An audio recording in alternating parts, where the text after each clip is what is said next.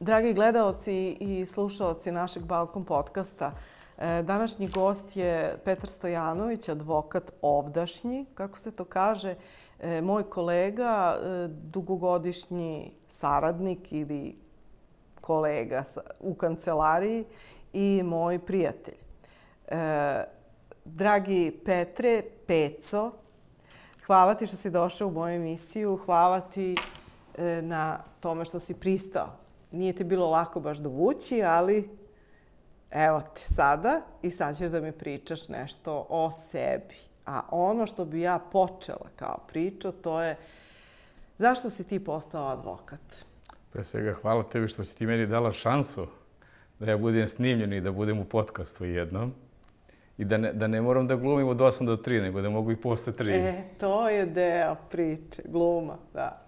E pa to je automatski vezano i to kako sam ja postao advokat. Znači, najvratnije ima nešto u meni da je to, ovaj, da je to bilo predodređeno. Ja sam bio jako, jako mali kad sam znao, to jest izrazio želju da ću biti ili advokat ili istražni sudija. To uvek je bila neka crta radoznalosti, onda ispitivanje do besumočnosti i priča. Znači, neograničena priča na sve moguće teme. I onda sam ja iz svih tih tema izvlačio nešto što je meni interesantno i onda sam ja u glavi pravio razne konstrukcije.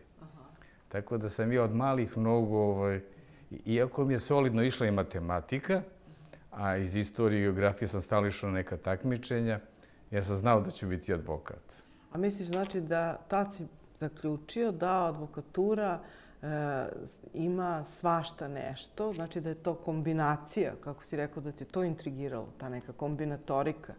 Da, pre svega taj istraživački deo i kreativni. A šta je kreativno? Kreativno je od momenta do momenta. To je ono što čini advokaturu umetnošću. Kako to misliš? E, izvini, sad te prekidam. Znači, e, otprilike znaš što hoćeš da kažeš. Kako od momenta do momenta?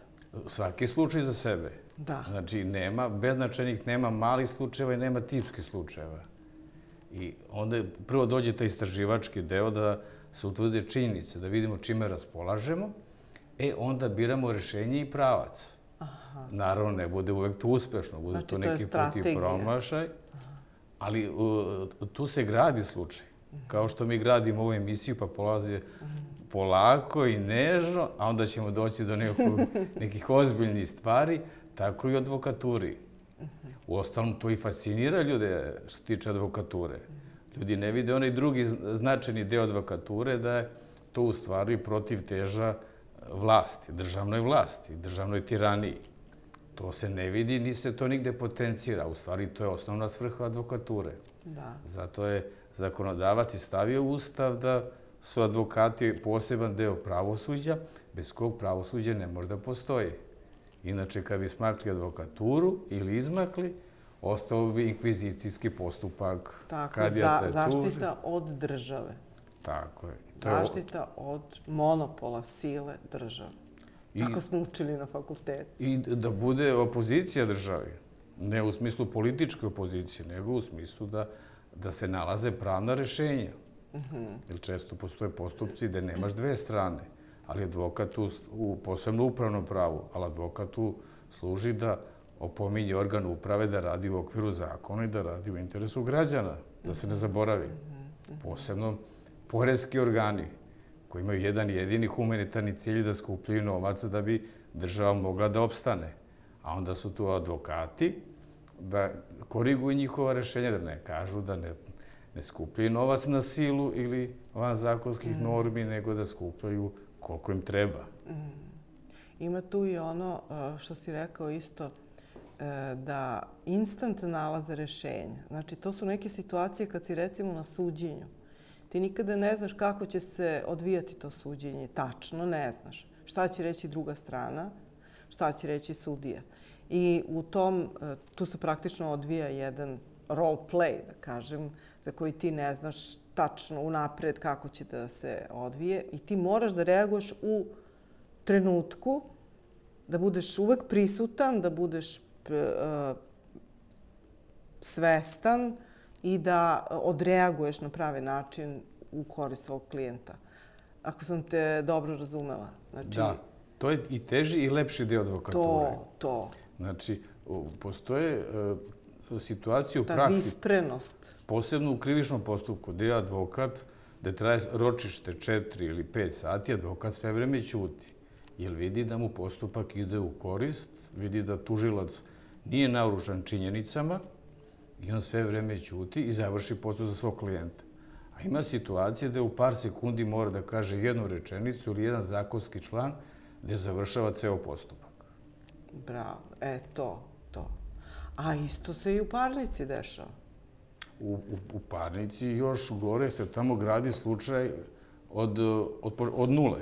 U krivici javni tužilac ili policija završe 60-70% posla i donesu sudiji gotov predmet i onda sudija samo daje šansu odbrani, da odbrana e, potvrdi navode tužilaštva ili da povrgne na osnovu nekih drugih činjenica ili opet na osnovu zakona.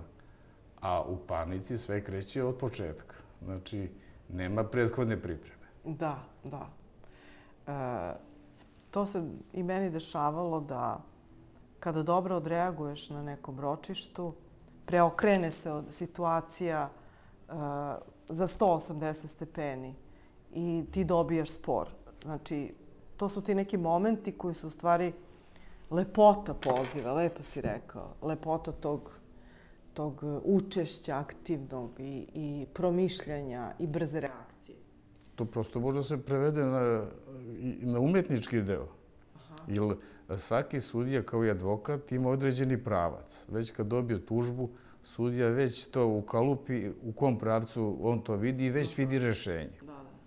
To tog, od tog trenutka što ti kažeš, krucijalni da je advokat izvuče neki argument ili citira određeno, određeno sitengbu ili nekog starog pravnika, gde sudija se preokrene za 360 peni. Da. Pa ukažeš mu na drugi ugao gledanja. Da, ali revolucionarni ugao.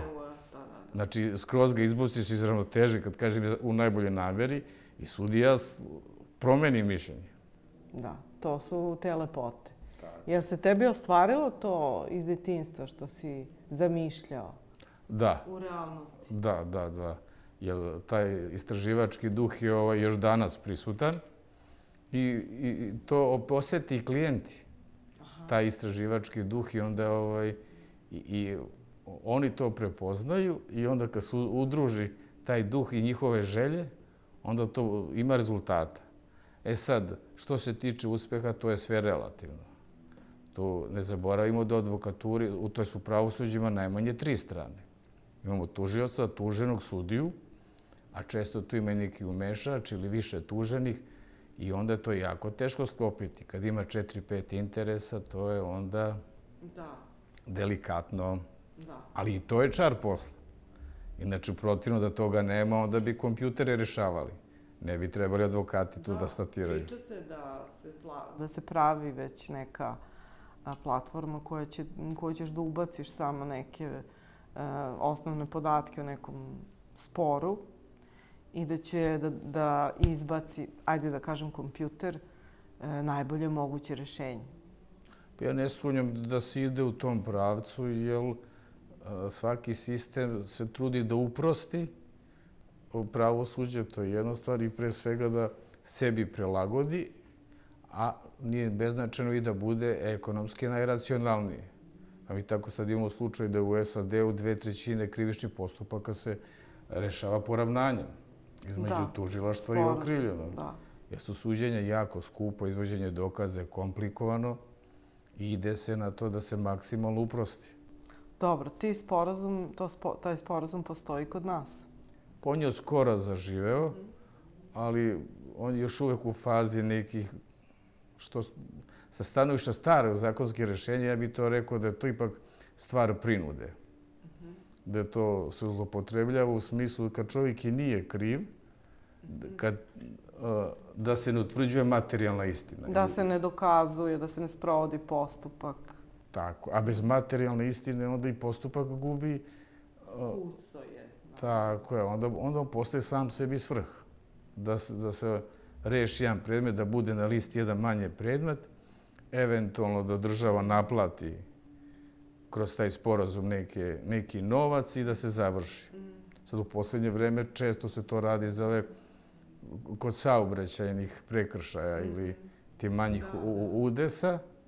Često se ti predmeti, umjesto da idu kod sudije za prekršaj, oni se prevode kao krivični predmet, jer navodno ima oštećeni koji su povređeni, a sve povrede se e, reflektuju kroz takozvano uganuća ili stezanja vrata i mišića, koji ne mogu lako da se dokažu, prevode se u krivični predmet i onda u predistražnom postupku se radi poravnanje sa tužilaštom, plati se određena suma novca i to onda više nije krivični predmet. Tere dalje. Da.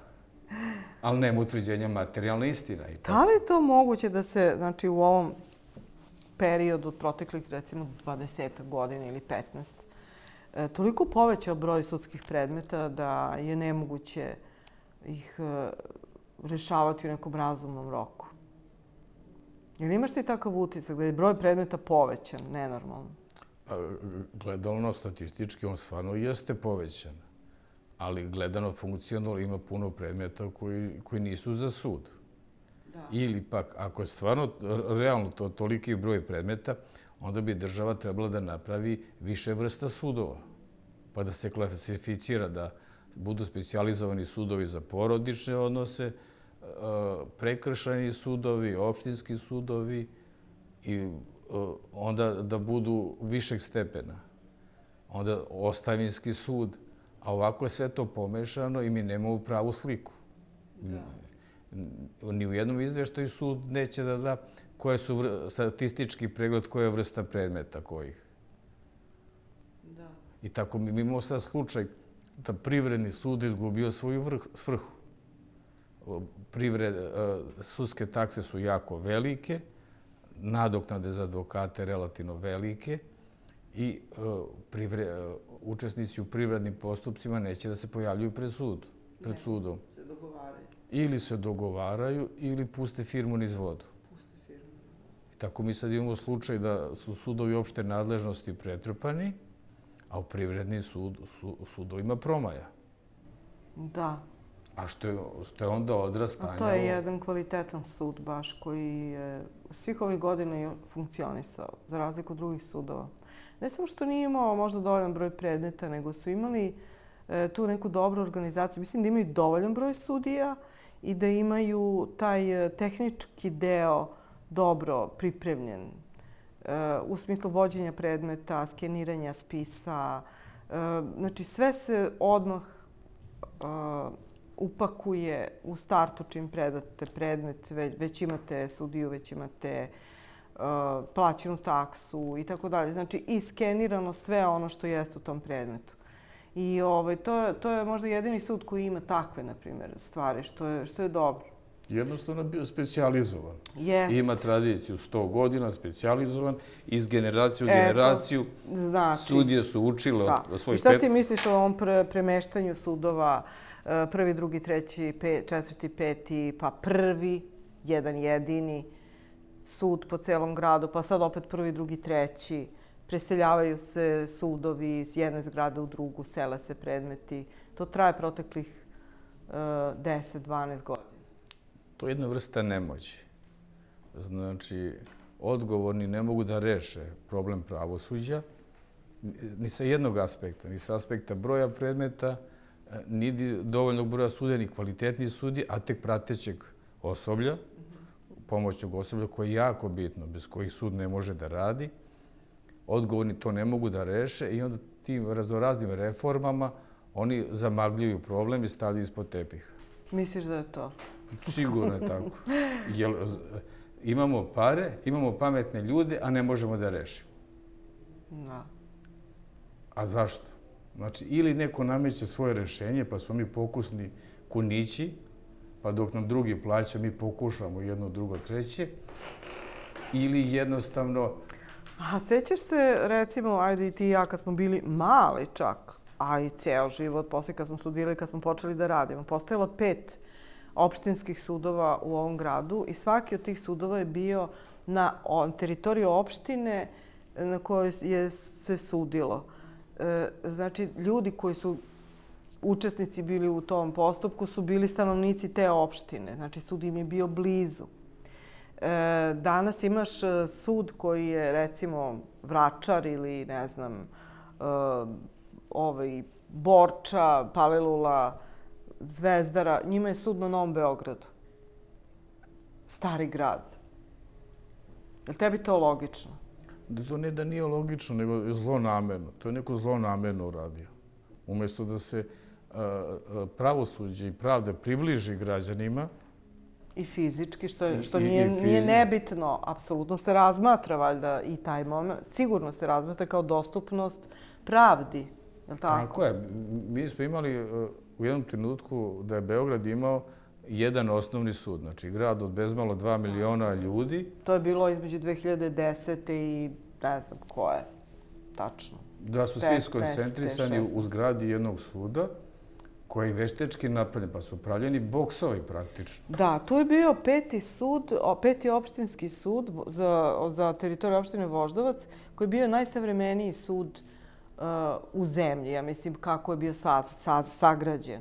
Postojale su sudnice velike, prostrane, sa publikom, znači da može javnost da pristupi, a sudije je jedin u tom sudu ulazio iz kabineta uh, u sudnicu, a ne sa, zajedno sa strankama preko hodnika da ulazi na ista vrata. Znači, jedino je tu ulazio kao u američkim filmovima iz e, svog kabineta u sudnicu, time se davalo na značaju sudiji.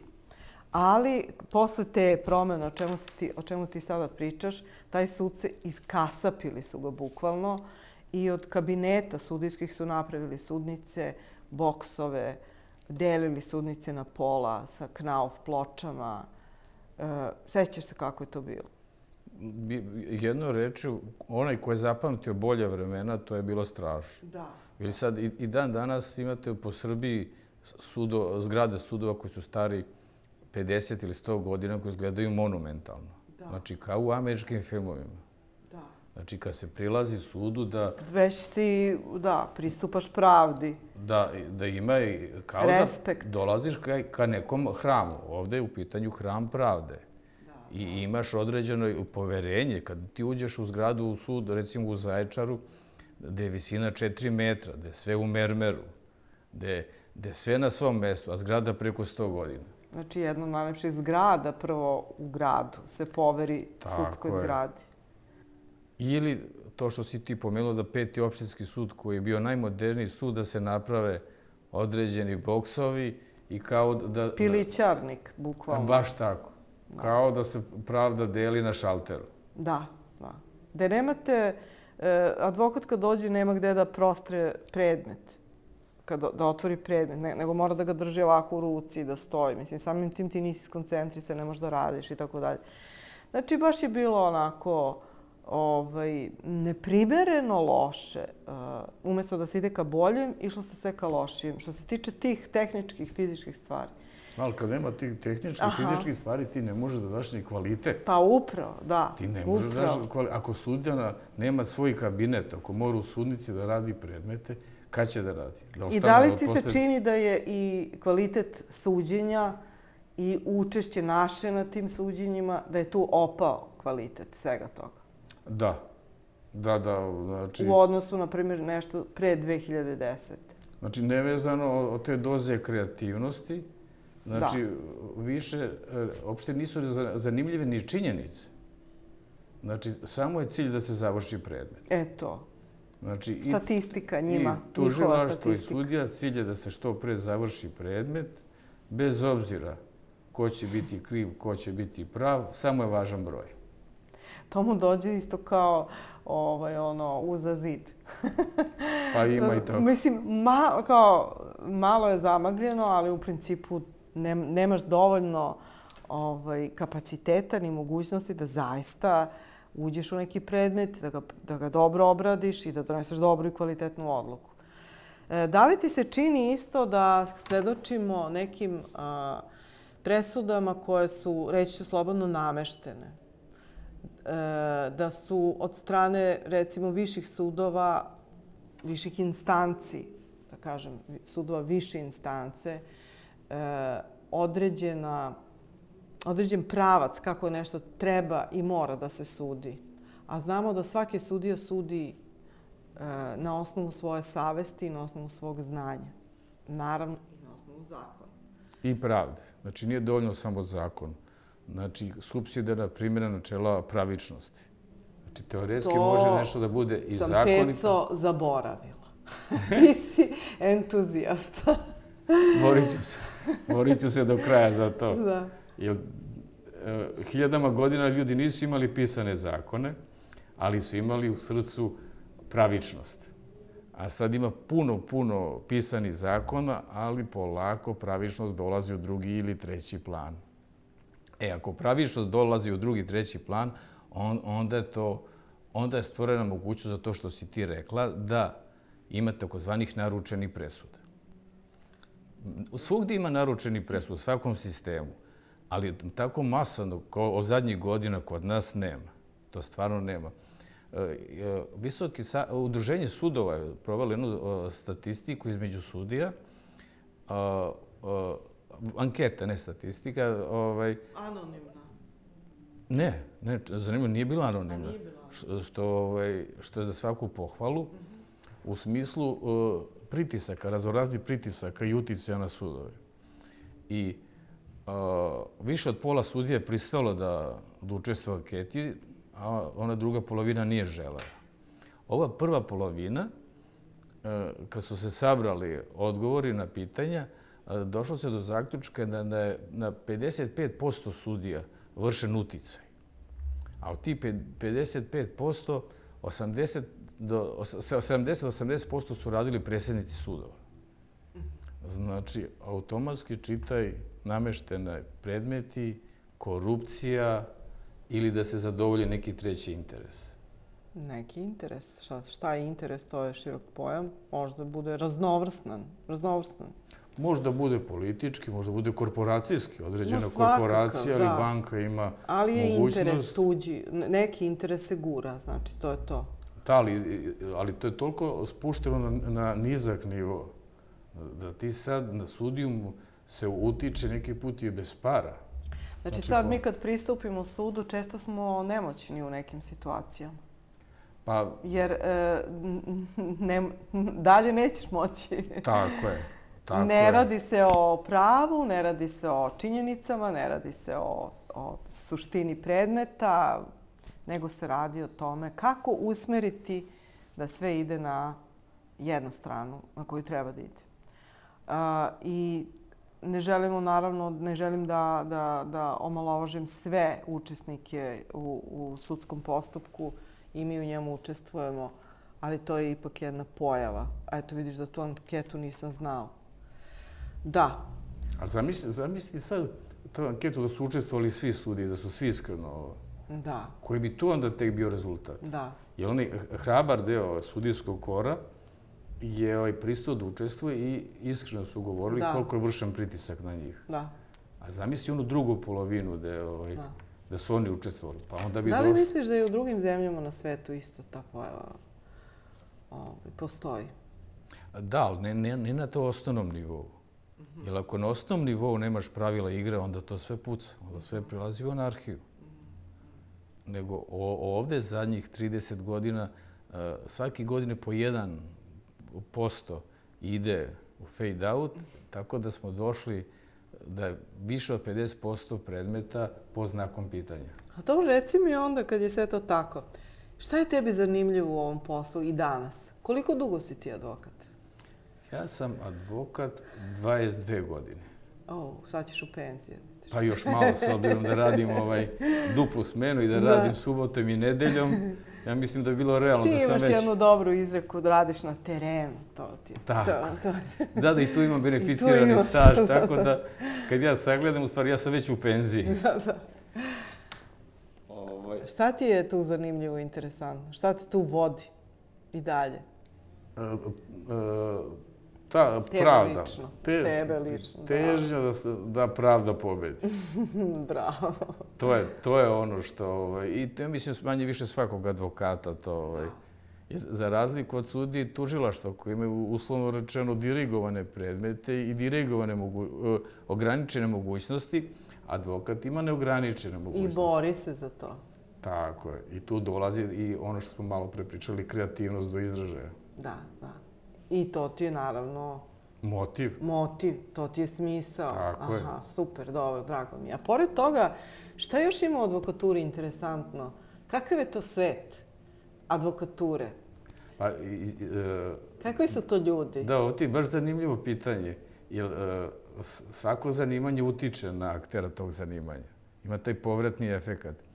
Tako i advokati su navikli i da dobijaju i da gube, što im daje određenu ovaj, baš širinu.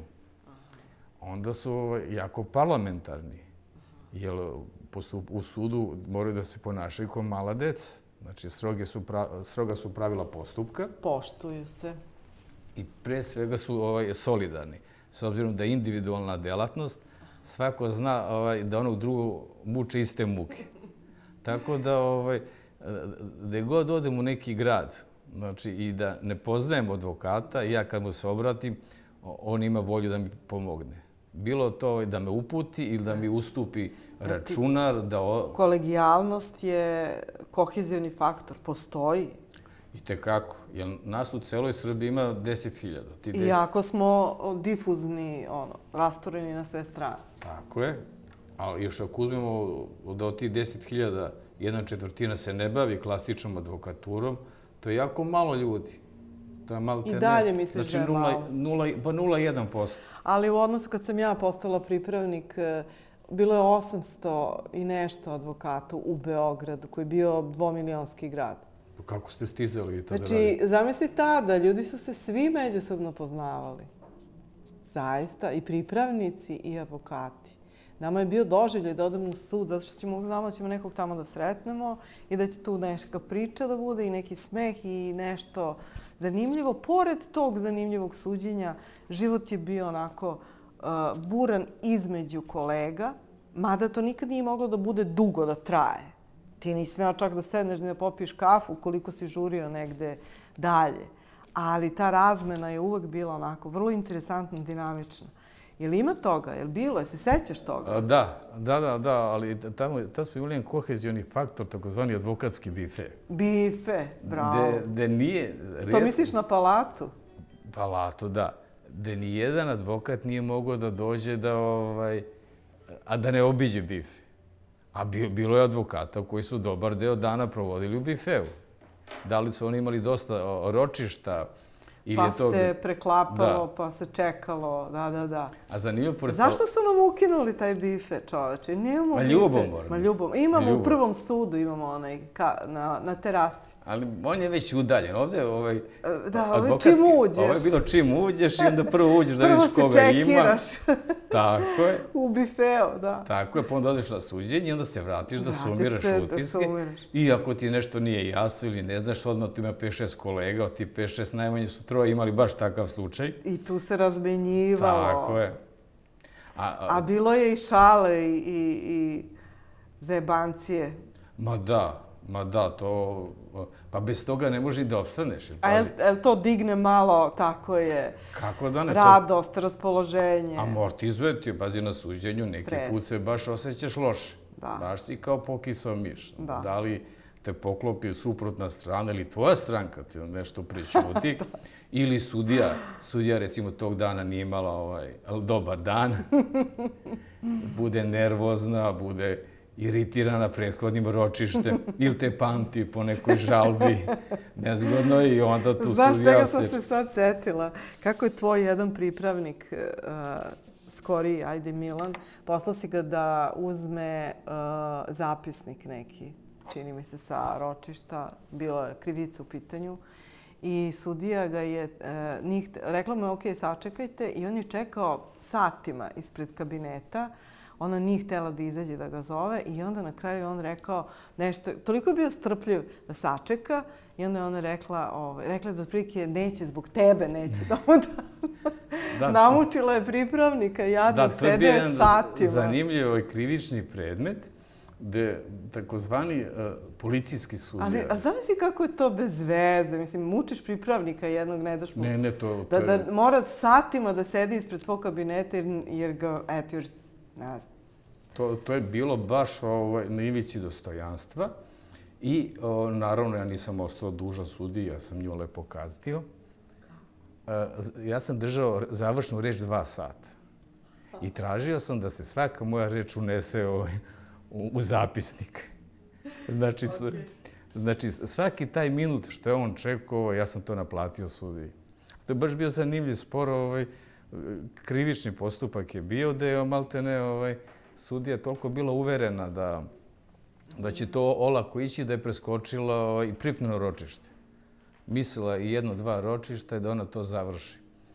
A ja sam bio uporan da, ovaj, da se utvrde sve činjenice. Znači, bez obzira ovaj, ko je bio kriv i koliko kriv, ja sam voleo da to sve dođe na svoje mesto. I ako neko to poređe, mogu da kažem, tužila tužilaštvo je nudilo poravnanje i e, šest i po godina. Bilo je e, teško krivično delo, nudilo je šest i po godina i nije telo da ide ispod toga. A klijent je dobio četiri godine. Znači, zahvaljujući toj upornosti, pomalo struke, ovaj, bez obzira što je sudija bila naučena da to završi na dva ročišta, e, eto ti, vidiš. Ovaj, ja sam se zainatio baš zato što je maltretirala pripravnika. Znači, može i tako. Pa malo znanje, malo upornost. Da, bravo. Zanimljivo je da u tom, na tom suđenju, tom ročištu, da je veštak isto radnik policije, da je odustao svog prvobitnog nalaza. Da je utvorio da je bilo recimo nekih 18 kg droge, da je ovaj, da je rekao da je na kraju da je bilo ipak kilogram i po droge, a, a da je o, o, o nalazu uradio pogrešno zato što je mu u kompjuteru ostala matrica od prethodnog nalaza. Aj, ja, čoveče, krojiš sudbinu nekom. Ovaj, pa, eto, eto. O, ne, nemam reči, stvarno, zanemala sam. Uh, svaka čas. Reci mi, uh, uh, ovo što smo to sada pričali, malo smo nešto dotakli advokaturu. To je deo koji zanima ljude, onaj unutrašnji neki pogled iz unutrašnjosti advokature. I, uh, međutim, ti si, kao i većina advokata, ne baviš se samo advokaturom, nego imaš i druge uh, kreativne poduhvate. Tvoj kreativni poduhvat, e, koji su to tvoji kreativni poduhvati? Prvo moram samo da kažem da si ti, ti imaš jedno interesantno poreklo. Tvoj otac, Mića Stojanović, on je bio Titov kuvar. I ne samo da je bio Titov kuvar, nego je bio, ne znam, i u Ujedinjenim nacijama, da je bio, uh, proputovao je ceo svet, bio na Galebu, proputovao je ceo svet sa Titom i tako dalje. Znači, on je jedan, jedna legenda uh, ne samo u kuvarstvu, nego i, i uopšte kakav mu je život bio. I on je uh, poznat kuvar, znači kako to neki koji je priznat, da kažem, u celom svetu zbog nekih svojih jela koje je napravio i tako dalje. Tako da nije samo ta priča oko Tita interesantna, nego i baš i njega kao kreatora, kao kuvara. I ti, to, to tvoje poreklo te negde isto određuje, sigurno. Tako je. Tako je, tako je. Ovaj, inače, a, svi u porodici su manje više kuvari, ovaj, i majka, i brat, i sestra, ovaj, ne bave se svi, ovaj, tako da i tekako i to i mene opredelilo. I, I onda sam ja, imam jedan lep hobi, uh, pisanje. Ja sam pisac u pokušaju. Dobro. I jednu knjigu sam objavio, a sad jedna druga u pripremi. Slična su tematika i, i zanimljiva je koncepcija. Dobro. Pošto ja volim ovaj, istoriju, volim da ovaj, da kuvam, a još više volim da probam jela. Ja sam napisao jednu knjigu koja se zove Kako sam skuvao istoriju. Ja sam iskoristio iskustvo svojih roditelja, inače i majka je bila Titov kuvar, ne toliko angažovana kao otac, s obzirom na porodične obaveze, jer tu je otac baš bio angažovan bukvalno 24 sata dnevno. Ja sam pomešao ta njihova iskustva, radeći za Tita i druge državnike i naše i strane, i, i recepte i jela koje su oni pripremali. Aha. A tako da ta knjiga, rekao, zove se Kako sam skuvo istoriju, ima dvosmislen naziv, ali u suštini je ovaj... Prati istorijske ličnosti kroz vezano za jela. Da. Aha. Da, da. Kao, to su praktično i anegdote neke. Kao anegdote vezane za jelo. I to je baš priča. Znači, tu mhm. svako jelo koje su ono izmislili, ono ima određenu priču. Da li se odnosilo na e, određene istorijske događaje ili vezano za određene ličnosti, bilo iz istorije ili umetnosti, ili za geografske pojmove, ali svako jelo ima svoju priču. I to ne samo kroz naziv, nego kroz sastav namirnica i način kako se priprema. Tako da najpoznatije to jelo Karadžorđeva šnicla, da ono baš vuče. Što se tiče namirnica, iz Šumadije, geografsko poreklo namirnice Šumadije i pogođenje ukus šumadinaca. E, e igrom slučaju u tom, kod tog jela, ovaj, ono je, by the way, postalo međunarodno jelo, pošto već... To znamo, da. 60 godina postoji kod nas i kako se širio imidž Jugoslavije, Srbije i kako su otvarani srpski restorani po inostranstvu, onda i to jelo stizalo van granica, tako da ga da se sad da ga ima u Tokiju i na, na japanskom se zove Tongicu. Ovaj, naravno, ima ga, gde god ima Srba, ima i Karadžođeve šnicle. Ovaj, i, I onda sam ja rešio da te moje degustatorske sposobnosti pretočim u tekst. Tako, a s druge strane, volim i istoriju, istorijske događaje, što se nekako i naslanja na pravo. Da. I, I onda, tako da knjiga ima dva paralelna, a, dve paralelne radnje. Mhm. Jedna je ta kuvarska, ovaj, kuvarska u smislu da je kuvarstvo umetnost, kao i većina drugih zanata, a druga istorijski događaj. I, i a, svaki taj istorijski događaj koji je opisan u knjizi, da li iz aktualne istorije ili prethodne, prati ga određeno jelo ili poslastica. Tako znači, da bi... ti si stvarno dete iz, iz te porodice. Tako da, da bi ti toplo preporučio da dođeš da probaš prvo specialitete, a onda da čitaš knjigu. Dobro. Onda će biti dupli užitak. Da se, po, da se podsjetim šta sam jela. Tako je, da. Ne, da, zašto si jela? Zašto? A, dobro. Zašto si baš to ti tad jela? Okay. I, I zašto se tebi sviđa to jelo? I šta to jelo ra, razlikuje od drugih jela? Okej, okay, okej. Okay. Još nešto pišeš? I, e, e, sad isto, i po tom istom principu, isto ovaj, istorijskog uh, gastronomski dnevnik, uh, zove se od, od masti do vlasti. Ili ti od vlasti do masti. U smislu da ni jedna vlast ne može da bude bez hrane, a ovo mast je malo i dvosmisleno, u smislu da, mast, da vlast mora da se podmaže da bi radila. Okej. To pišeš, to, to je... Tako je. Aha, to je tek u, pripremi, ovaj, ali očekujem da će do idućih sajma knjiga da bude a, masna knjiga. A, a u čim izdanju je prva knjiga? o, službeni glasnik. Da, mogli smo da donesemo. E tako, da reklamiramo da... Da, da stoji ovde. Da. Moj Službeni propust. glasnik, okej. Okay. Kako sam skuvao istoriju. A ova će biti još bolja. Mm. Ova će biti još bolja, jer će biti par državnih tajni. Ovaj. By the way, moj otac kao a, blizak Titu, uslovno rečeno blizak Titu, a ja kao pravnik sam pomogao da se reši enigma Titovog nasleđa kao što znate, već 20-30 godina Tito, Titov ostavinski postupak se vrte u krug. Praktično je ispalo da Tito ništa nije nasledio, ništa nije ostavio svojim naslednicima. Da. A otac ima podatak da Tito imao dve kuće i da imao određene dragocenosti i dragulje. I onda to meni je rekao. Da. Ja sam to onda napisao tri pisma. Jedno sam odno ovaj, profesoru sa pravom fakulteta Oliveru Antiću, jedno, jednom advokatu, i jednom sudiji, Blažiću. A zašto Oliveru Antiću? Zato što je on stručnjak za ostavinski Tako je. za ostavine. Tako je. I, I tad je bio relativno blizak vlasti. Uh mhm. -huh. Pravilno je pitanje zašto trojici? Dobro. I treći je bio ko? Uh, jedan advokat okay. i, i sudija Blažić. Aha. Bane Blažić, tako da ovaj, tri pisma da slučajno, ako su dva, možda oni mogu i da se dogovori između sebe, pa možda se to nasledstvo smanji dok dođe. Ok.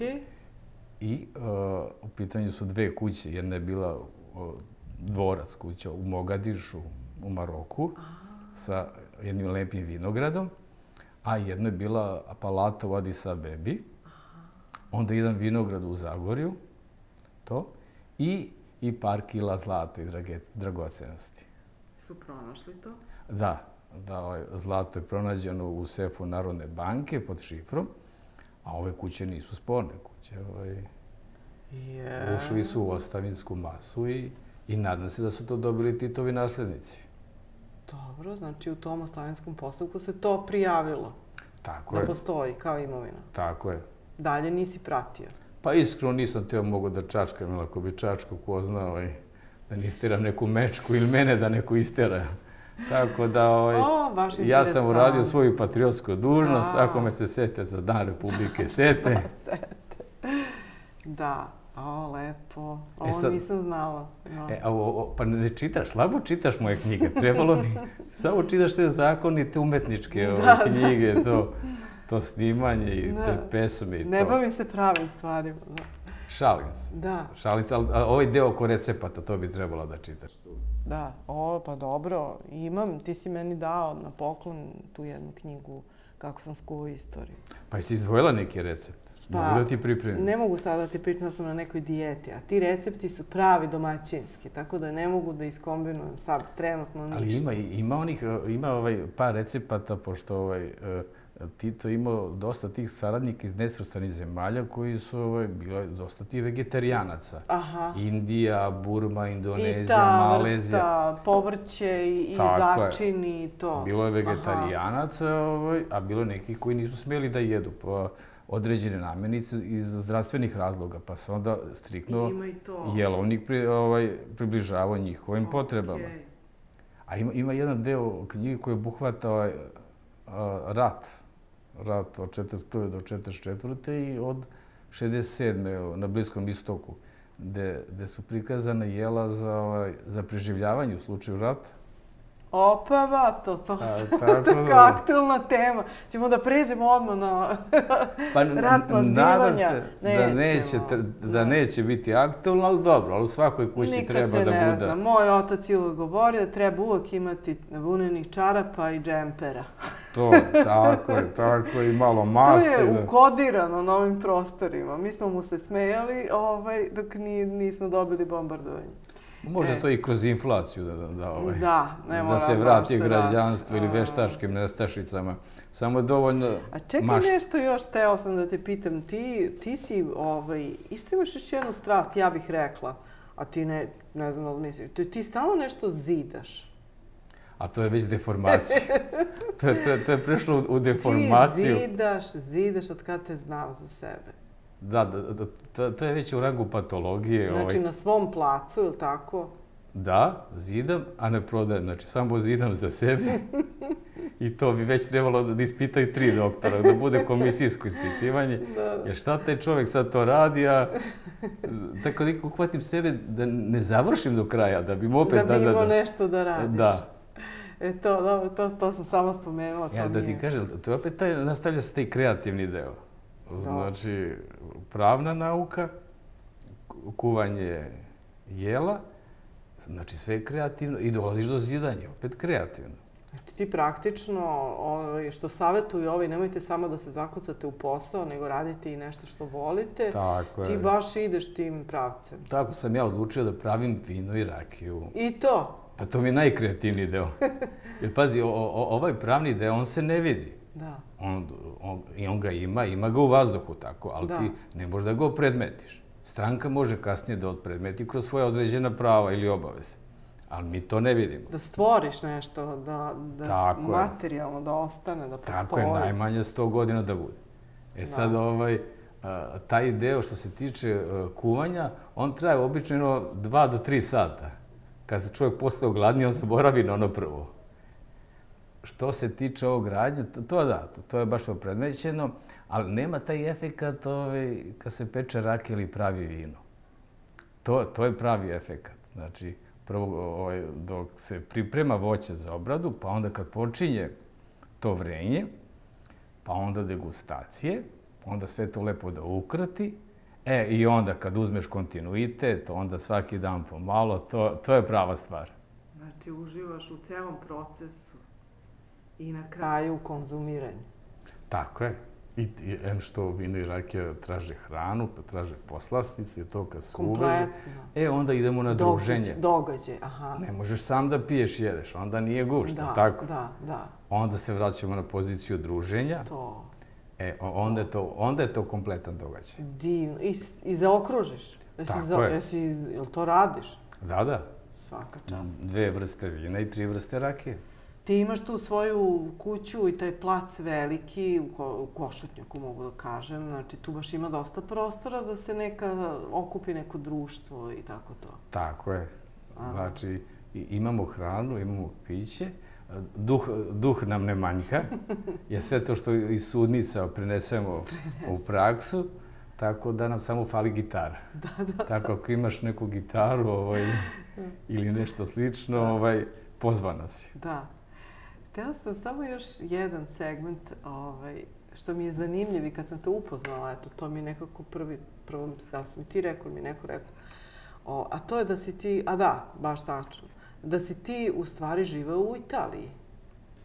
Da, jedan, jedan kraći period, ne baš kraći, ne. Dve, dve i pol godine. To nije kratko, da. Da, ja sam, ja sam po, neposredno posle fakulteta otišao ovaj, da živim par meseci u Italiji, ne, bili smo malo ovaj, promenio sredinu, naučio jezik i, i skinuo neke fore i fazone.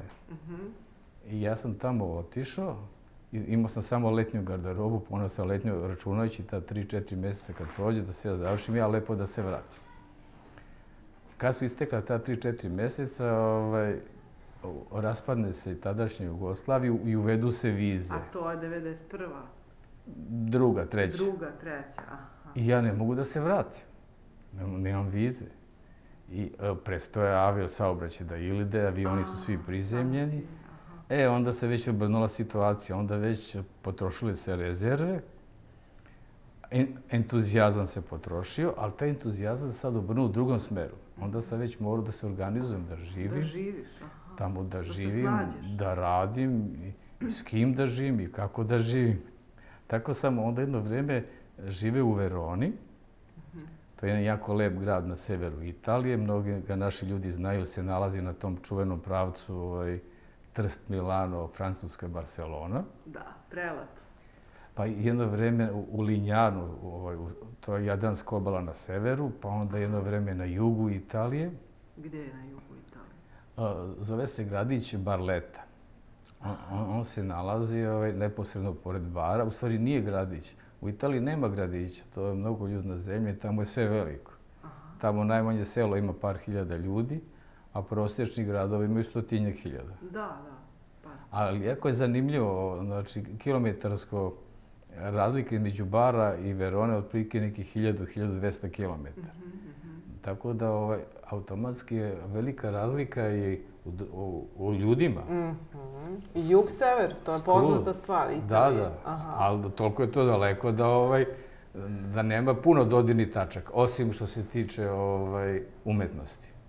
A kako, a kako, kakav je odnos? Gde, šta ti misliš? Koji, gde su ljudi bolji, da kažem? Jug. Jug. Jug, jug, znači... Vidim da onako pričaš sa ljubavlju nekom. Jel, ovaj, dole više sunca i čim je više sunca, odmah su ljudi veseli, radostni, odmah je tu pesma, igra i to je ovaj... Oni neposredniji. Neposredniji. Da. I što je zanimljivo, ovaj, znatno siromašniji od severa. Ali... I automatski su kreativniji. I što ti kažeš, neposredniji i duželjubivi. Duželjubivi. Nisu opterećeni... Upućeni jedni na druge, da. Nisu opterećeni tim materijalnim stvarima. Druže pa, se. Na, na jugu Italije se u tom gradu gde sam ja bio... Je to na moru? blizu mora, jako blizu. blizu. A, a, tu se ljudi... Da, da, on je na moru 3-4 km. To je pa baš, pa dobro, znači, da, a, da. Pošto je potpuno rava, znači možeš peške, možeš bicikl. Peške, da. Oni su, ovaj, ode mi miso. Šta sam počeo lepo da pričam? Ljudi su tamo... Da, oni se svako veče druže. Znači, svako veče... Ovaj, Gde je Napolju? Da li je to kafić ili restoran, ili karioke, ili ispred kuće. Znači, iznesu lubenicu, jedu lubenicu i druže se. Sutradan kokice ili kuvani kukuruzi celu dan, celu noć. Neverovatno. Baš, znači svaka ulica bi mogla da, da se snimi ovako jedan podcast. Ne, negde je žurka, negde je pesma, negde su priče, vicevi. Znači, Mediteran, imala sam gosta koji je pričao o Mediteranu, književnik, koji je napisao knjigu Mediteranski svetionik, on je doktor nauka i, i inače je književnik, a, završio književnost i novinar i tako dalje. I nje, ali je žive u baru i njega je to, taj mediteranski pasen je praktično, on je posvetio čita svoj rad, taj spoju između Mediterana i recimo ovih krajeva, jer se smatra da je čak i ovaj naša Srbija mediteransk, pripada mediteranskim zemljama, iako ne izlazi na Mediteran direktno. I, ovaj, i on je ba, baš pričao o tom duhu Mediterana. I, I zato je to dole, južno, tako, a ovamo na severu baš i nije. Da, da, ima to nečega. Veoma specifično. Jer ti kad pogledaš, recimo, Havanu ili Buenos Aires, gde preneta je duh Mediterana. Da. Da Havana, Buenos Aires ima 10-12 miliona stanovnika, da. ali ceo u mediteranskom duhu. Iako samo ovi, ti koji su se doseli pitanje, da su baš došli iz Mediterana. Da. Ali prošli su brodom i povukli su neku žicu i to traje tamo već 500-600 godina. Španci su, pa dobro, da. da. Tako je, tako je. Dobro, ovaj, na kraju krajeva to je i kolektiv civilizacije, pa mora valjda da opstane tako kakve jeste. I daje taj neki pa kvalitet. kvalitet. Znači, on ima kvalitet kvali... života, za... od hrane do druženja, do ljubavi, do em, svih tih uh, bitnih stvari za čoveka, to očigledno tamo još uvijek postoji. Ne znam kako im uspeva, ali svaka im čast. Bio si skoro tamo, isto na letovanju. Kakvi su ti utisci posle toliko godina? Ili isto? Isto, isto, isto. To mi se sviđa. Isto. Čekaj, oni su imali jedan peh. Ovaj, uh, jug Italije tradicionalno ima dobre fabrike za proizvodnju obuće i što, i što bi žene voli tašni. Aha. I uh, sa prodorom ovaj, uh, kineske i vijetnamskih roba, uh, za, malte ne su zatvorene sve fabrike Aha. za cipele i za tašni ali to ih još više uputilo na to da ovaj za pesmu, zezanje, odmor, mnogi su se prebacili, vratili se proizvodnje vina i maslina, maslinovog ulja. Aha, neuništivo. Da. to uvek postoji. I, i, I duh je još uvek ta isti. isti. Znači, bez obzira što na prvi pogled materijalno se teže živi da. i primanja su generalno manja nego na sevaru, ali ove, što se tiče duha, samo su sve bolji i bolji. Dobro, neka prebaci nešto i ovamo malo, baš bi bilo dobro. Pa, e, to bi bilo zanimljivo da se nastave ti odnosi, da se, ovaj, da se produbljuju. Da. Je li ti, ti južnjaci vole nas? Jesmo pa, nekako slični? Pa ja mislim da smo slični, da. Pa čim tako rezoniramo na njih? Je li zanimljivo da, da se slično i na, u Tunisu, to je Tuniska obola. Aha. Da, da što ti kažeš, taj duh Mediterana, I, I tamo su jako dobri ljudi, jako fini i, jako, i kreativni. Oni ne mogu da dođu do izraža od Italija, inače 50% juga Italije ovaj, imaš i u, da, u Tunisu. Da, da, da, da. Ma sve to kad zaokružiš, ja mislim da je to prilično slično. Opušteni narod, da. Ono sam što sam i, i tako i živim. Tako I je. ne, nema mnogo tu filozofije ni opterećenja. Ovaj, valjda ih neće pokvariti ova, pa- ova nova, novo doba koje se očigledno sprema. Pa opiru se oni. Opiru da. se. Svaki deset godina, što ti kažeš, nešto bude revolucijno, desi se nešto u svetu da, da. Ovaj, da usmerava život da. na jednu ili drugu stranu, ali se oni opiru, jer on, oni su pre svega navikli da trpe, a samosvesni su, znaju šta ovaj, imaju. I, I njima nije žao da, ovaj, da trpe. Za razliku od ovih na severnjaka koji ima sve računice. Sve. Oni sve su, preko digitra. Oni su austrijanci. Šta sam još htjela samo da te pitam? e, ti imaš dve čerke koje idu za tobom u, u profesiju advokata, pravnika, je li tako? Da. E, jesi zadovoljan tata zbog toga? Pa ja sam zadovoljan u smislu što su oni zadovoljni. Dobro. Inače, što se tiče ovaj, pravne struke, kao i svaka struka, ona mora da se radi, da se izučava i da se radi, stalno da se bude u toku. I da li će one sebe naći, to je veliko pitanje, jer pitanje u kom će pravcu ići pravna struka. Ti si me malo pre uplašilo da će to sve da pređe na kompjutere.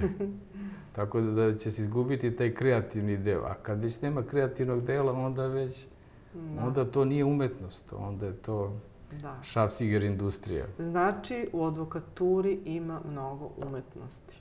Da.